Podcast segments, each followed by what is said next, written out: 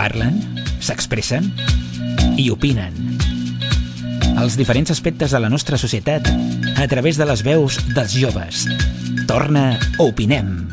Versió estiu. Avui a les 8 del vespre a Ràdio Vitamènia.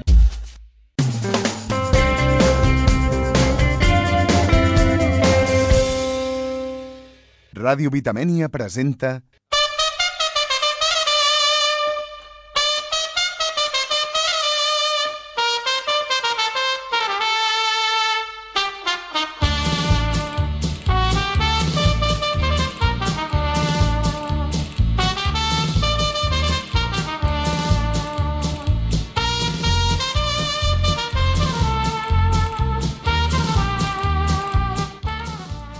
adeu-siau, toreros! Palau Tordera també és antitaurina!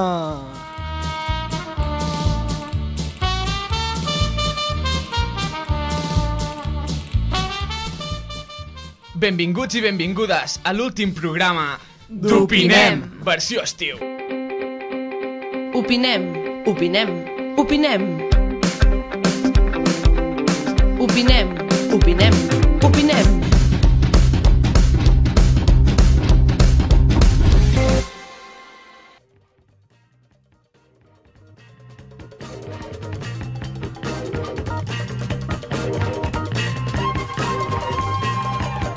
La música és una forma d'expressió i interpretació molt important.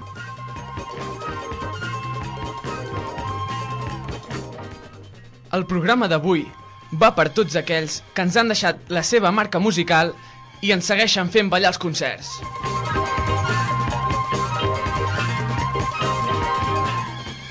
Per això, avui, tenim preparada una bateria de sorpreses en relació amb la música i la seva influència al jovent.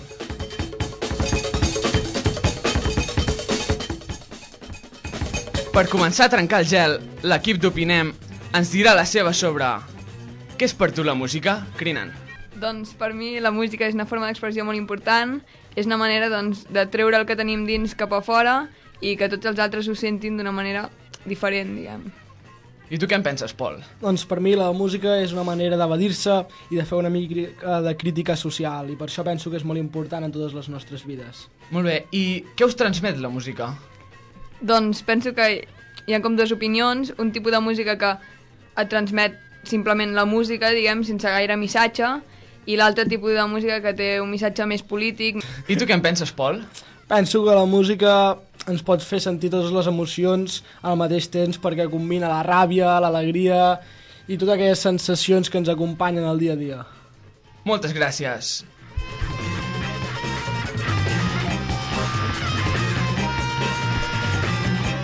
I aquí la primera sorpresa.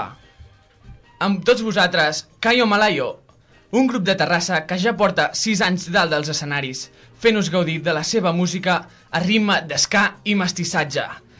En tots vosaltres, Fuera de Control, de Caio Malayo.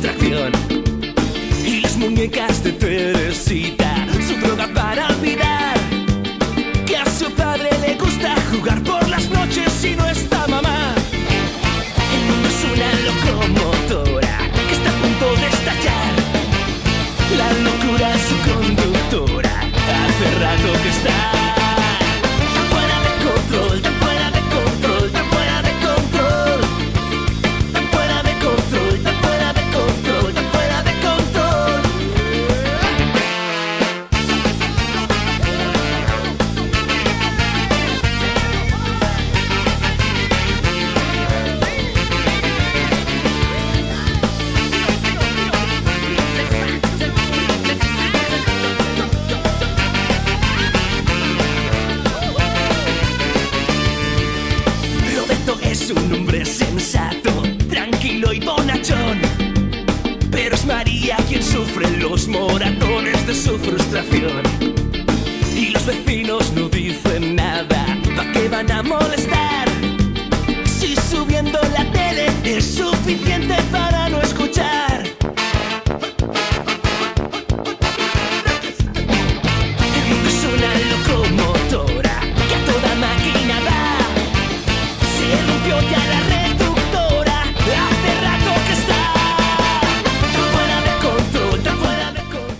I ara parlarem amb Ramon Figueres, trompetista de Cayo Malayo. Hola, Ramon. Hola, bona tarda, què tal? Molt bé. I tu? Molt bé, molt bé.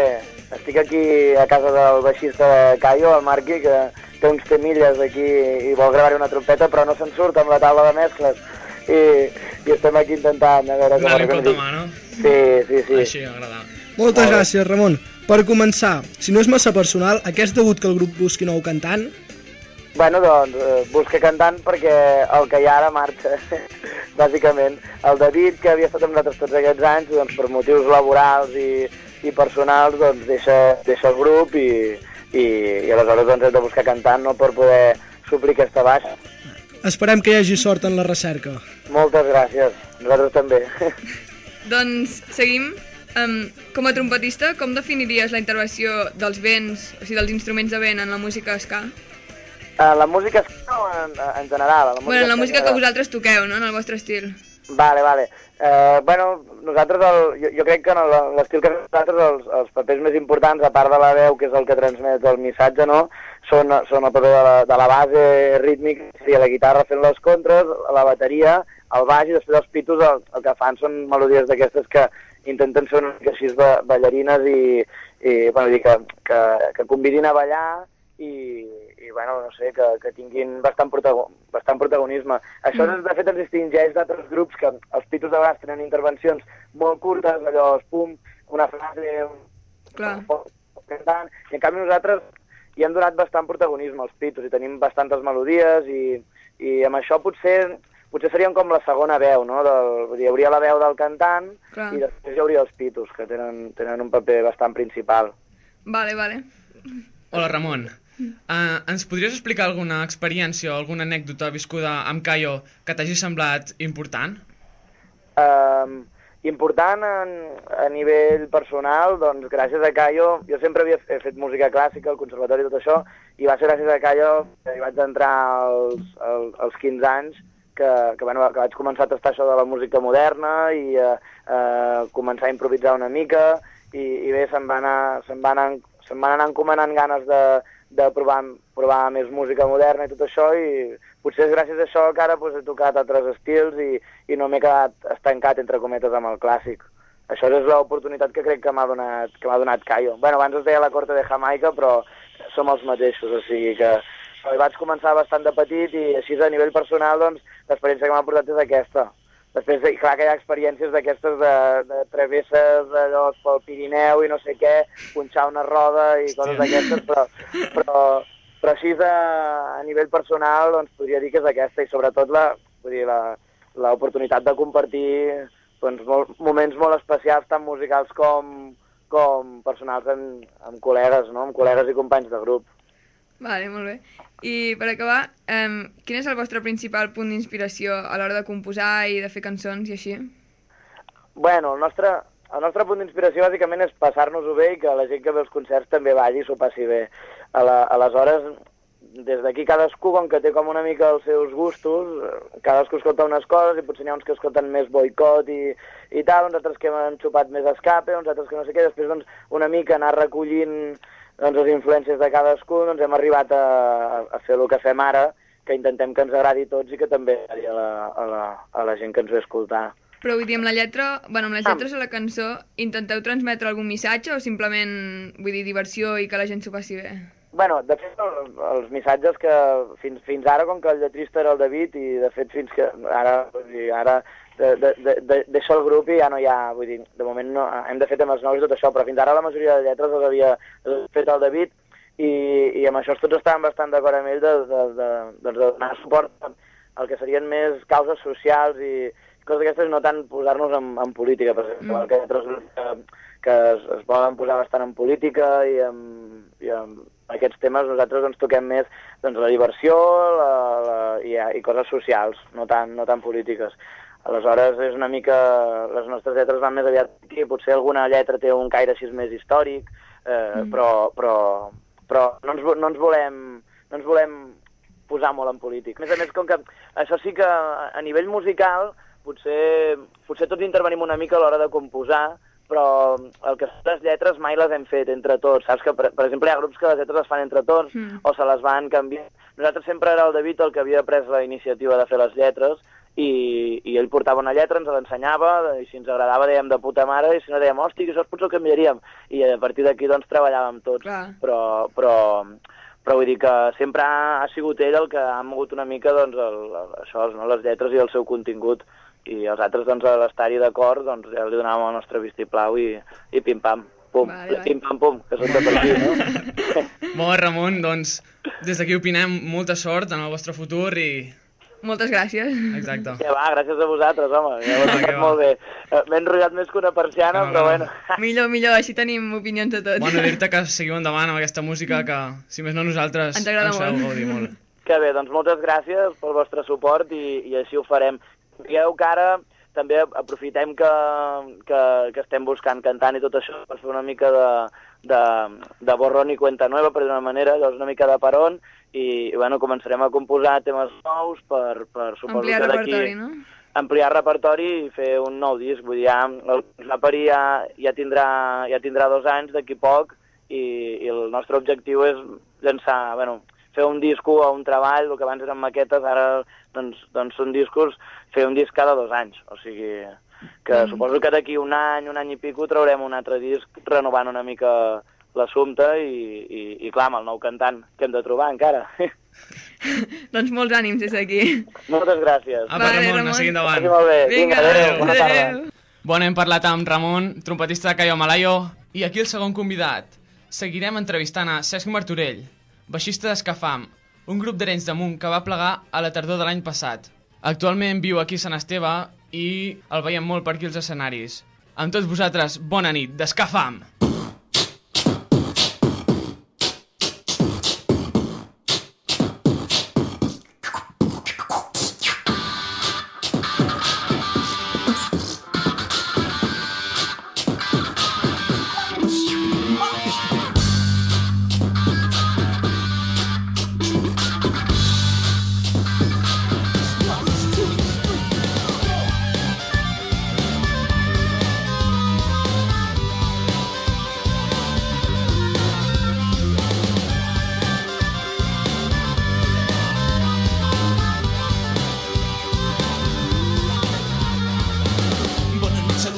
És l'SKFM. I un missatge de racons, esperança llibertària. Deixant clar la nostra posició revolucionària. Donant suport a aquells joves que siguin com nosaltres.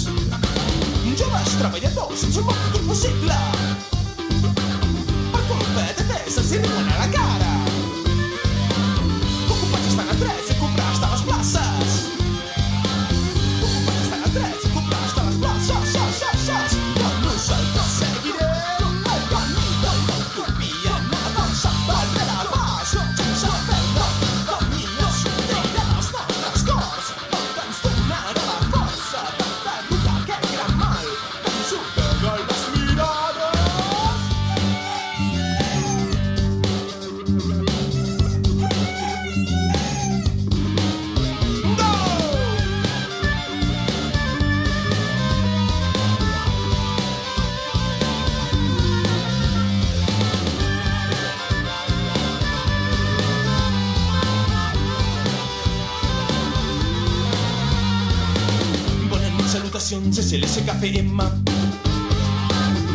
De racons, esperança llibertària. Deixant clar la nostra posició revolucionària. I ja tenim amb nosaltres a Cesc Martorell, baixista d'Escafam. Hola, Cesc. Bona tarda. Bona tarda, Cesc. Ens podries explicar l'experiència que vas viure quan el grup es va desfer? Uau, quina pregunta més difícil. Haig de resumir-me molt, no? Sí, una mica. Hòstia, doncs, a veure, mm, clar, tu quan toques així amb un grup uns quants anys i, i, i el que comporta tocar amb un grup així molts anys és que fas molta pinya, no? Vull dir, passes moltes hores a la setmana junts, tant als assajos, a les hores de viatge als concerts, si et quedes a dormir, als hotels, les estades, bueno, tot plegat, es crea com una petita família. I sempre que has de fer una família, però, pues, és, és, costa, costa.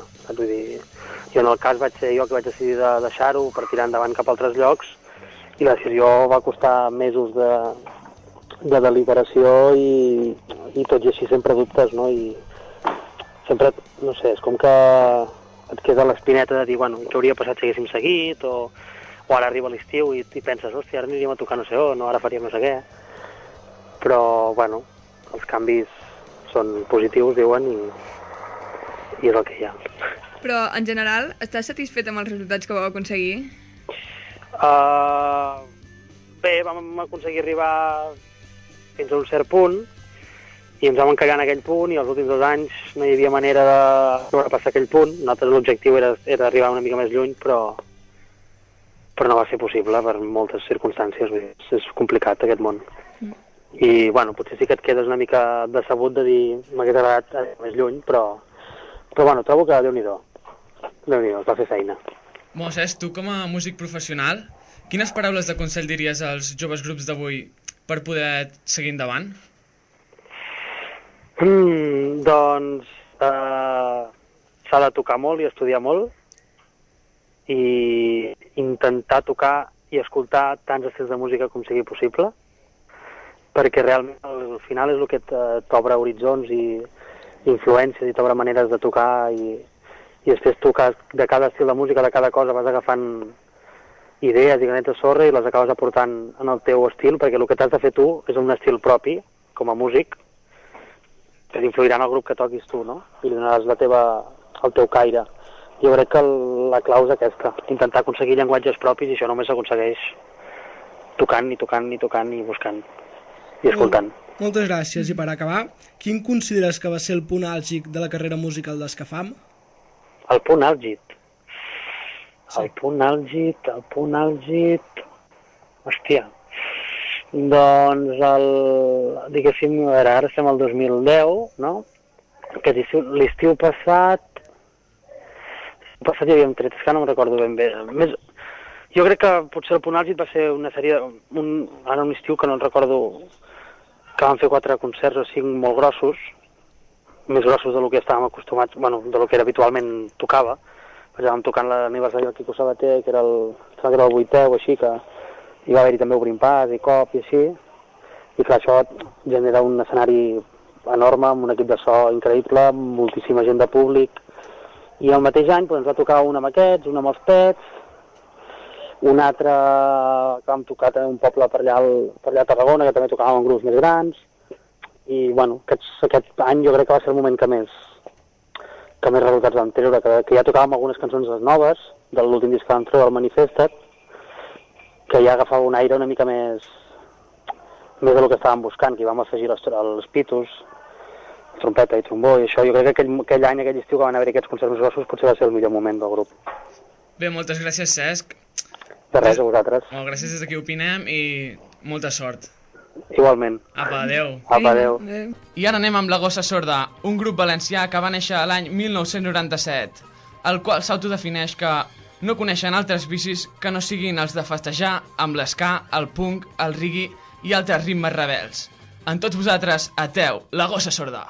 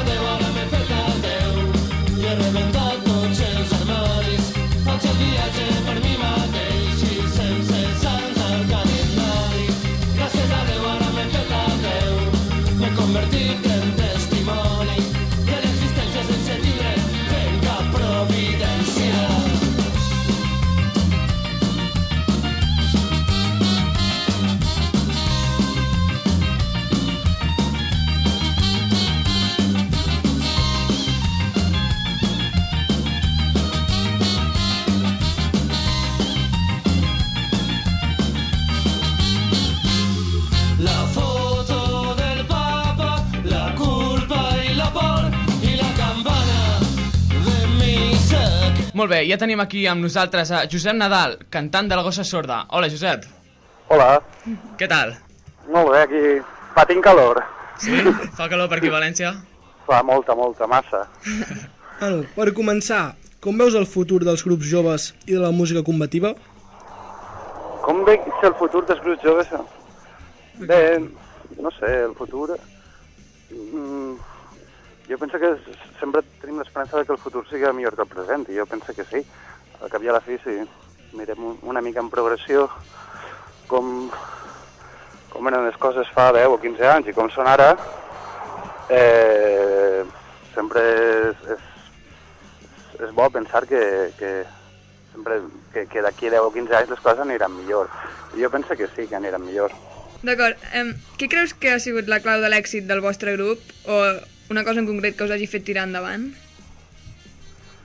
Eh, no sé, la, la veritat és que això, aquestes preguntes, eh, ara, és, és, és la pregunta del milió, no? Quina és la clau de l'èxit? Això és el que, el que voldria saber tot. Eh, és complicat, en, en el sentit que sempre, això sempre és més per a preguntar-li al públic, no?, que, que, que a nosaltres, no? No sé, en certa manera sempre hem fet, eh, hem fet la música i, i la lletra i les lletres també que, ens agra que, ens, que, que a nosaltres ens agradaria escoltar, no? no tampoc té molta, molt més secret, no? I vosaltres esteu satisfets amb el projecte del nou disc L'última heretge?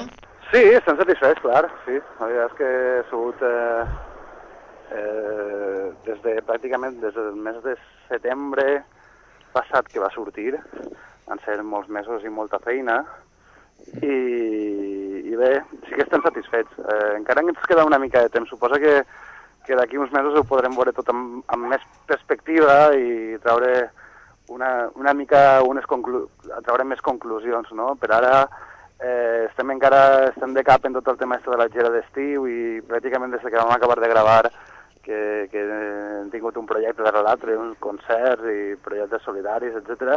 i no hem tingut massa, massa temps de, de parar-nos a pensar, però en principi nosaltres sí que estem contents, clar. I per acabar, ens podries explicar alguna anècdota viscuda amb la gossa sorda que li hagi semblat important? Alguna anècdota que... Oh, és la, una...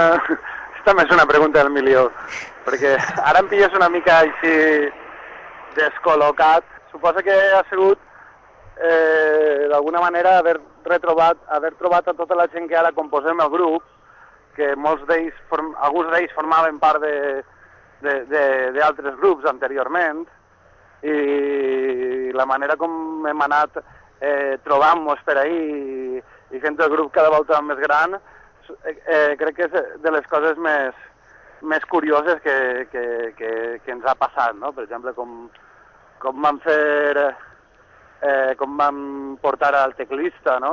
O sigui, un, eh, una nit així, un poc de borratxera, a veure, mira, el tipus este toca el teclat, podríem dir-li a veure si, si vol tocar amb nosaltres, o...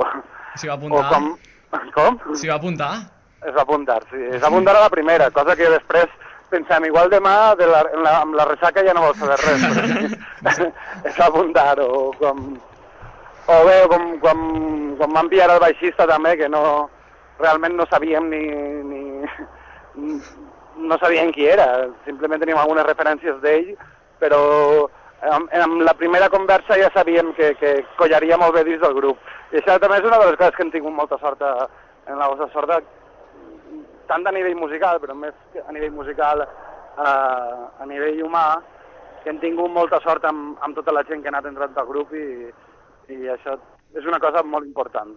Clar, el feeling és molt important entre el grup, no? Sí, per a cohesionar els grups humans és una cosa molt important, perquè són moltes hores de passar junts, amunt i avall, a la furgona, etc etc. I, i sembla que no, però a voltes les coses podrien acabar en una batalla campal i eh, nosaltres la veritat és que no ha sigut així. Bé, moltes gràcies, Josep. Acaba aquí la nostra entrevista.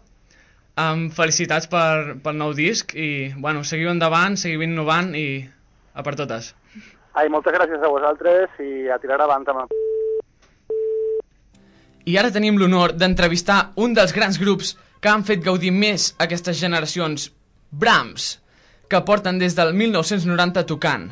ens porten des del Berguedà un estil innovador amb l'objectiu de transmetre amb total sinceritat un missatge combatiu. Amb tots vosaltres, Papa de Brahms.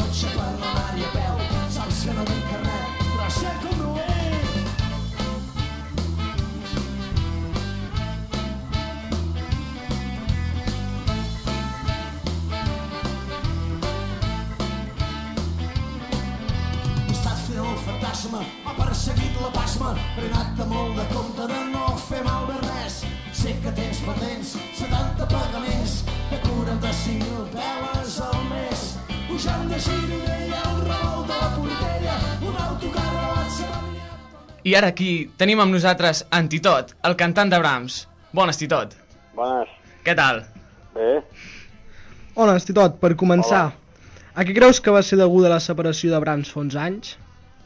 Doncs que ens va semblar que, que el que havíem de fer ja ho havíem fet i teníem ganes de provar eh, noves maneres de, de fer coses i de fet és el que, el que hem estat fent.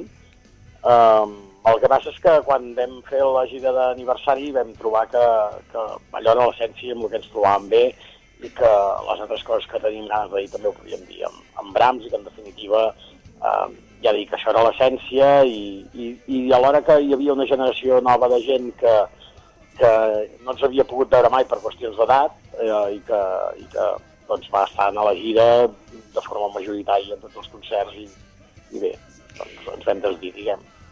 Així que creus que tornar a engegar ha sigut una bona decisió? Sí, perquè ens en morim de ganes, ens morim de ganes de fer la gira aquesta, que ja està, quan, quan portàvem tres anys ja separats ja ens estàvem morint, vam dir, hòstia, almenys esperem el 20 aniversari, no? Llavors quan ho vam fer vam dir, doncs si això és el nostre, endavant, no? I, i ens hi trobem molt bé i, i bé, com que els altres projectes que tothom més o menys té els, els anem fent i anem fent altres coses, doncs bueno, mm, ens tornem a enganxar amb això. Clar. I quin és per tu el principal objectiu de la vostra música?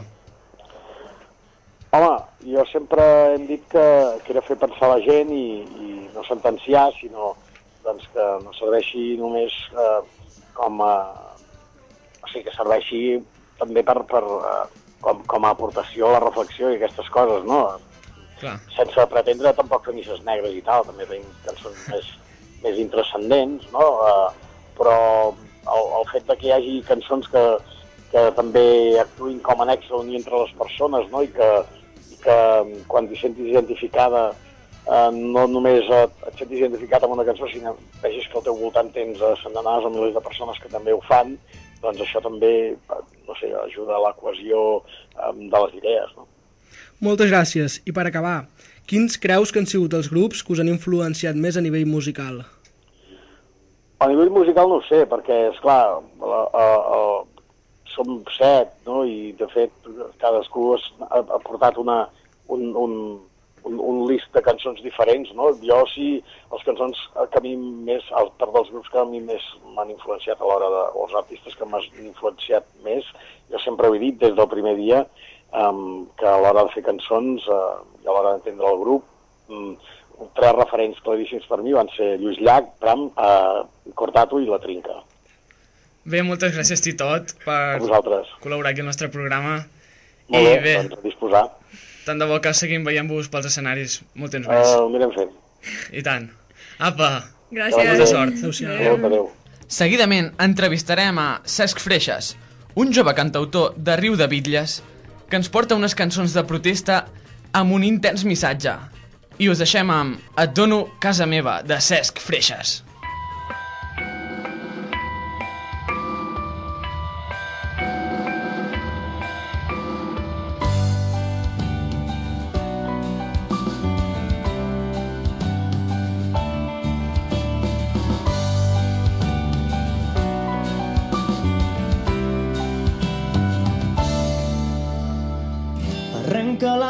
Arriba abril. Hi ha un país que és país nostre i és país com les arrels i dient sud diem país. Que es dia arrels dir que vivim perquè volem, perquè existim. Quilòmetres fan delta avall. Els ponts de l'Ebre i tot el que els nostres governs volen canviar. I quan passem per burjassot Recordem i no oblidem companys amics que ja no hi són.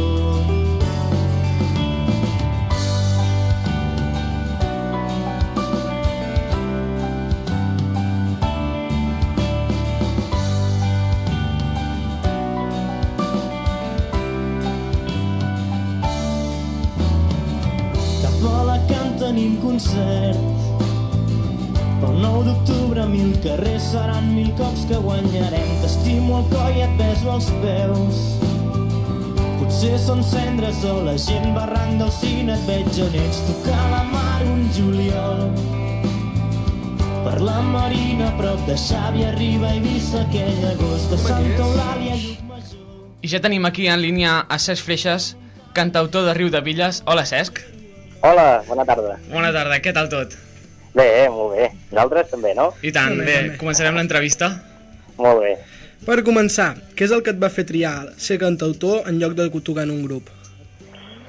Doncs, bueno, jo, jo quan vaig començar a ficar-me en el món de la música ja, ja era el cantant d'un grup de- d'amics de, de l'institut que, que feien versions i, i que era la nostra manera de passar les tardes de divendres i de dissabte. Lo típic, no? Que... I, sí, la, una, un, un entreteniment, no? I, i després, doncs, eh, quan el grup doncs, ja per diverses causes doncs, va anar desapareixent, ja, eh, ja portava temps escoltant cantautors i escoltant doncs, música, música d'autor més tranquil·la, més relaxada, i aleshores doncs, vaig, vaig eh, interessar-me doncs, a aprendre a tocar la guitarra, van començar a sortir les primeres cançons i va ser potser doncs, un, un, no ho sé, va sortir una miqueta natu natural, no? Potser sí que la influència doncs, això, d'escoltar altres cantautors va, va influir en, a l'hora de, de prendre la decisió, però, però va ser una cosa, doncs, s'havia acabat el grup de música, tenia ganes de, de, fer, de fer música, de seguir fent concerts, d'explicar coses i, i mira, vaig decidir doncs, anar, anar per lliure. Bé, moltes felicitats, Cesc, perquè és molt difícil entrar dins el món de professional sent un, un sol, no? I criden... Sí, bueno, ai, digues, digues, perdona. No, no, doncs et volíem preguntar que com veus el futur pels cantautors catalans?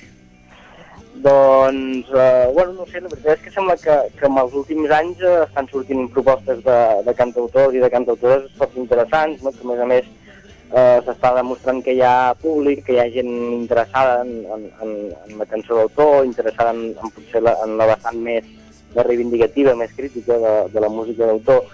Eh, I penso que això eh, doncs es- està posant unes, unes bases per tal que, que d'aquí uns anys ens puguem parlar d'una escena consolidada no, de cantautors. Penso que és una cosa molt interessant perquè eh, si volem d'alguna manera garantir la continuïtat de, de la música en català hi ha d'haver hi ha d'haver grups i propostes musicals de tots els estils. No? Ara podem parlar potser d'una escena eh, de rock, de pop, d'esca, de, de, sé, de, de, de metal, no? força consolidada perquè sempre hi ha hagut molts grups o força grups que, que s'hi han, que han dedicat, però és veritat que de cantautors eh, fins, fins fa 5 o 6 anys no, gairebé no n'hi havia, no? almenys de cantautors joves, i crec que, que per tal d'assegurar eh, aquesta continuïtat de la música en, en català també hem d'assegurar la continuïtat de, de tots els estils i entre ells doncs, també hi ha la, la cançó d'autor i penso que, que ara per ara doncs, podem, podem parlar d'això, no? que hi ha una gran varietat d'estils i, i que a més a més doncs, per la cançó d'autor crec que, que, que hi espero un, un futur, un futur bon, no sé, no sé si durarà més o menys, però espero que, que amb la quantitat de propostes que estan sortint doncs, eh, la cosa aguanti i que, i que en surtin més no? de, de cantautors i de cantautores. Totalment d'acord, Cesc. Um, I bé, endinsant-nos més en les teves cançons, quin és el missatge principal que intentes transmetre amb les teves lletres? Bé, doncs eh, el, el principal és eh, el, la cosa que, o la filosofia o l'essència de les cançons, o de gairebé totes, és no deixar indiferent a ningú, no? M'encantaria que, que, suposo que qualsevol persona que fa cançons o qualsevol grup que fa cançons, la seva motivació principal, la seva il·lusió és arribar a la gent, no? I arribar a la gent a vegades vol dir, doncs, no sé, que la cançó eh, no, surti per un, eh, no entri per una orella i surti per l'altra, sinó que es quedi dins el cap, que la lletra faci pensar, no? I aleshores, amb, amb, les, amb les nostres cançons el que intentem és bàsicament això, no? que, que la gent no es quedi indiferent, que, que les lletres eh, puguin fer remoure la consciència o puguin fer qüestionar, puguin, puguin fer aparèixer dubtes no? per, per preguntar-nos coses i, i una vegada havent-nos preguntat aquestes coses doncs intentar trobar respostes. No? Són lletres compromeses que parlen de, de moltes lluites, lluites nacionals, lluites socials que, que d'alguna manera hauríem de reactivar i hauríem de, de, de posar eh, damunt de la taula, posar l'ordre del dia de, tots, eh, de les nostres agendes i dels nostres dies a dies per, per intentar doncs, viure en un, en un món millor, en un país millor. No? Vull dir, la, la, la intenció és això, no? intentar portar el, el nostre granet de sorra per fer aquest canvi de mentalitat necessari per tal de, de construir un, un país més just, més, eh, més digne, no? un país lliure, i, i contribuir així no, també a fer un, un món més just i més, més digne, més lliure també. I per acabar, Cesc, quins han sigut els cantautors que més t'han marcat o que més han aportat a la teva carrera musical? Doncs principalment l'O- l'Ovidi Montllor, perquè ha sigut un, un cantautor, ara ja farà 15-16 anys que ens va deixar, però ha sigut un, un cantautor que, que um, ha mantingut molt encesa la, la flama aquesta de la reivindicació. No? Ell sempre s'havia definit com això, com un cantautor de denúncia, com un cantautor de protesta. Uh, les lletres que, que escrivia, les composicions que, que creava, doncs, uh, eren molt, molt riques, uh, lletres molt intel·ligents, molt iròniques, no? i molt, sobretot molt, eh, molt descriptives de la realitat que, que va viure l'Ovidi. I curiosament, eh, avui en dia quan escoltem cançons de, de l'Ovidi encara continuen sent del tot vigents, no? coses que van passar fa 30 o 20 anys encara, encara malauradament són les mateixes que passen avui en dia.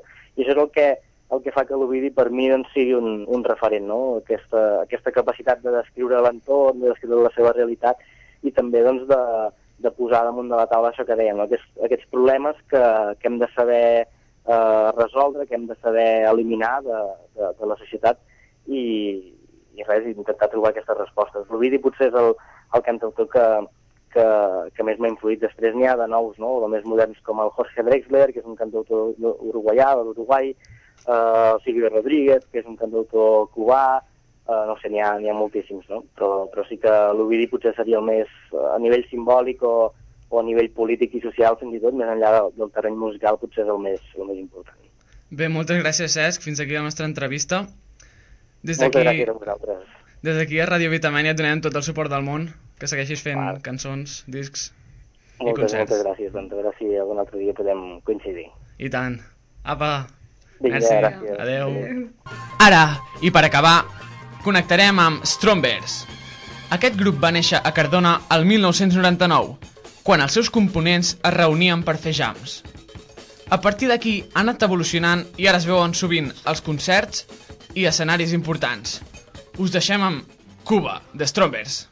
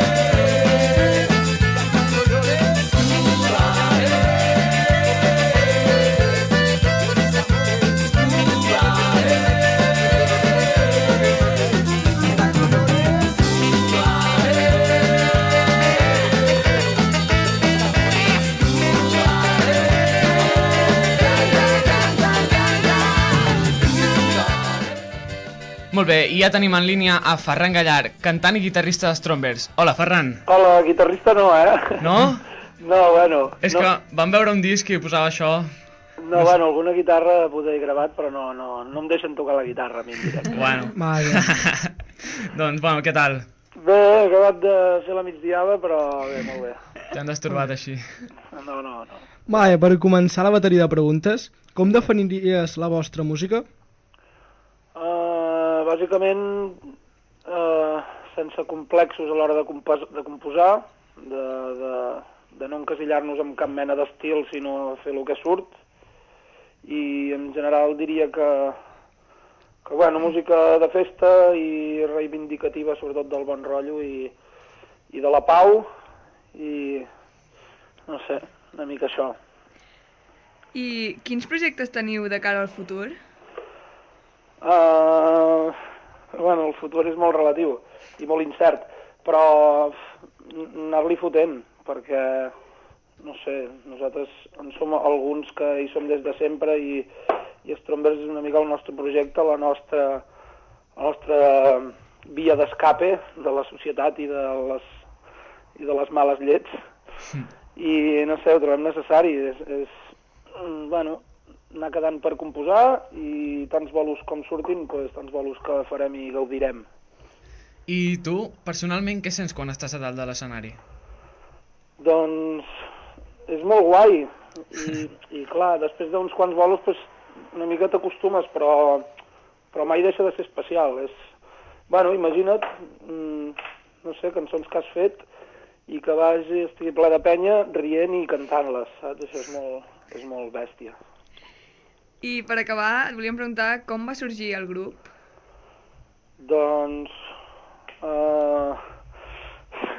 Hòstia, és que aquesta pregunta l'he respost tantes vegades.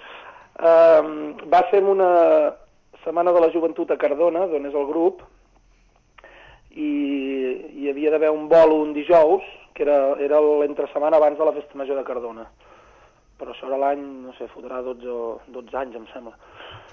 I buscàvem, bueno, no sé, uns quants que, que tocàvem i cantàvem, doncs ens vam reunir en plan, va, avui fem un bolo, que aquí no hi ha res a la programació, ens reunim uns quants i fem unes versions de rock and roll i, i fem un bolo il·legal. I així es va fer i va ser molt especial, entre nosaltres es va veure bueno, que hi havia algú més que, que la coneixença que hi havia fins llavors i, i també el rotllo amb la gent i bueno, això va ser el principi. Bé, moltes gràcies, Ferran. Fins aquí l'entrevista. Molt bé, vosaltres. Esperem veure-us molt més en els escenaris i per molt temps. Mm, doncs moltes gràcies. A tu. Apa, adeu. Vinga, adeu. adeu. Bueno, i des d'aquí opinem donar les gràcies a tots els músics que han volgut col·laborar en el programa i bé, com sempre, acabarem amb unes conclusions, no? Crinan, tu què penses de totes aquestes trucades, tot el que ens han dit? Doncs crec, sintetitzant una mica, que els músics que hem parlat doncs, disfruten molt del seu art no? i animen els músics més joves doncs, a seguir endavant i crec que ells veuen això, la música com un, una forma d'expressar-se doncs, diferent o positiva. Bé, doncs jo penso també que hem d'estar molt contents de tenir ara per ara un ventall tan ampli de grups tan bons a l'escena musical i esperem que segueixi sent així i que els grups joves agafin el relleu d'aquells que pleguen i que podem seguir gaudint de festes durant molts anys. Exacte, i que duri molt més tots aquests grups i molta sort. Fins aquí el nostre programa d'Opinem. Gràcies, Pol. Gràcies, Maiol. Gràcies, Crinan. De res. Gràcies al nostre tècnic, Toni Llobet, i gràcies a tots vosaltres. Passem.